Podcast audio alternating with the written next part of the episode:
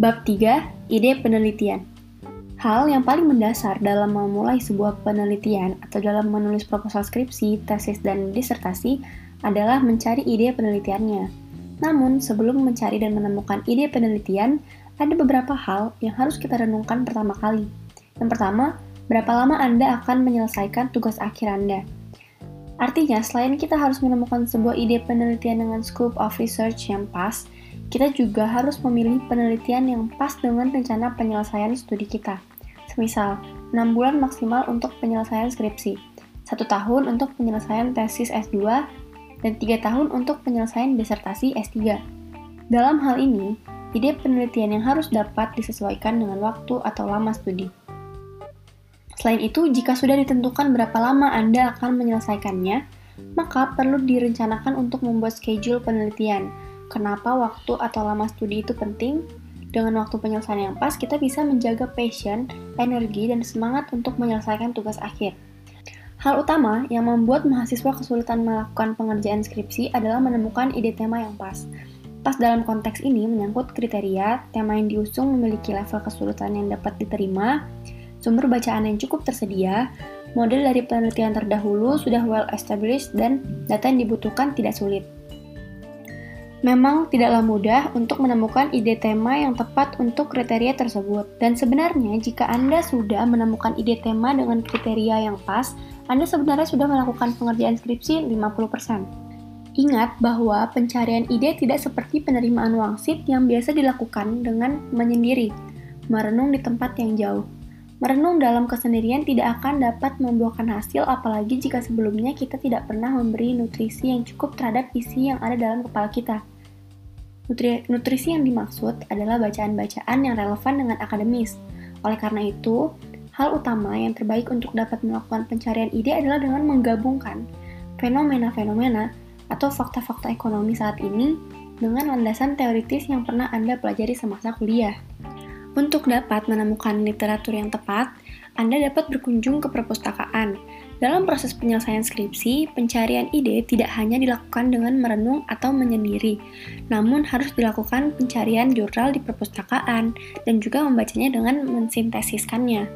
Dalam memilih ide penelitian, saya memiliki preferensi dan strategi, antara lain, pertama memilih tema penelitian yang dikuasai.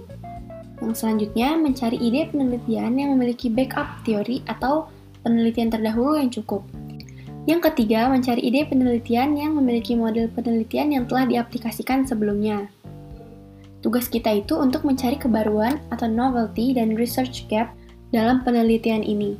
Dan yang terakhir, data tersedia atau minimal memiliki implikasi biaya koleksi yang sesuai dengan budget Anda. Selanjutnya, ada beberapa langkah konkret yang dapat Anda lakukan untuk mendapatkan ide tema yang memenuhi kriteria yang pas. Kriteria pertama, tema yang diusung memiliki level kesulitan yang dapat diterima. Untuk kategori pertama tentu sangat subjektif, karena level kesulitan tergantung dari bagaimana Anda menilainya.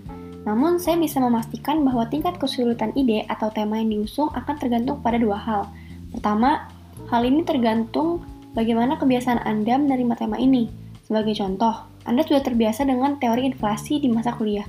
Maka, ide atau tema yang berkaitan dengan inflasi akan semakin memudahkan Anda untuk melakukan pengerjaan tugas akhir. Semakin menariknya tema yang dipilih, maka antusiasme Anda untuk menyelesaikannya dan membuatnya menjadi lebih berkualitas akan lebih mudah. Sehingga tips untuk hal ini adalah jangan memilih tema-tema tugas akhir yang kurang familiar dengan diri Anda. Kedua, tingkat kesulitan tugas akhir akan tergantung dari tiga poin ini nih. Yang pertama, sumber bacaan, model penelitian, dan juga data. Jika ketiga poin yang tersebut sudah tersedia, maka dipastikan tingkat kesulitannya akan semakin terukur dan mudah. Selanjutnya, kriteria kedua. Sumber bacaan cukup tersedia. Untuk kriteria ini, diharapkan Anda mencari sebanyak-banyaknya resource dan bahan pustaka yang relevan dengan research question yang diambil. Kotak-atik juga keywords Anda dalam pencarian search engine, hingga Anda menemukan sumber terbaik bagi tulisan Anda. Dengan kata lain, jangan berhenti mencari kajian pustaka atau literatur review yang sesuai dengan tema yang ada.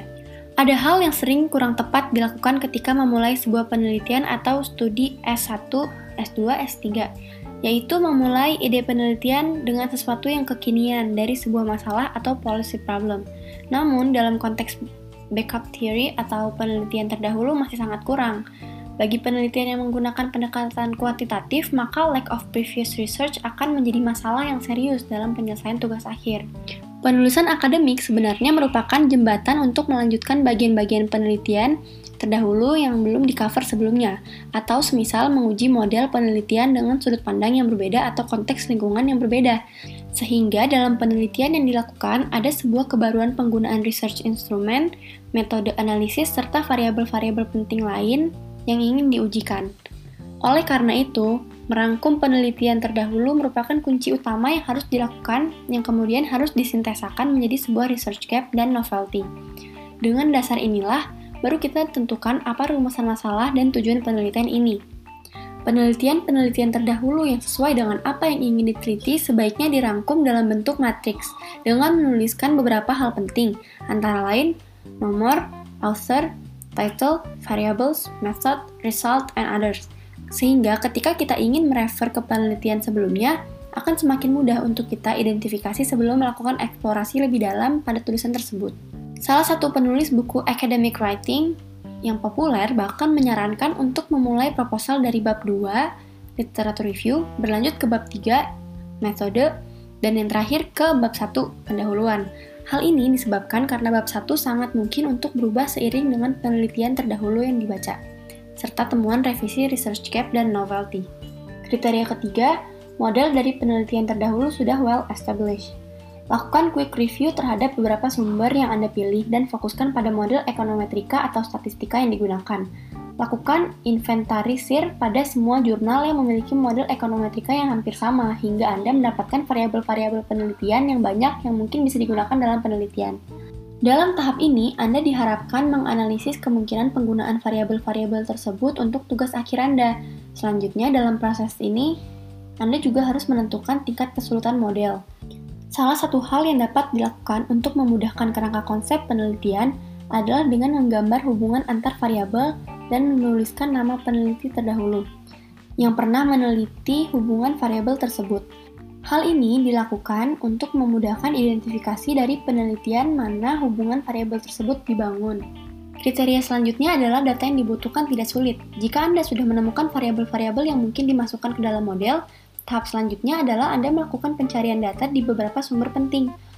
Lakukanlah utamanya di web Bank Indonesia yang menawarkan beberapa data fundamental makroekonomi yang lengkap, misalnya inflasi, PDB, kurs, dan lain-lain.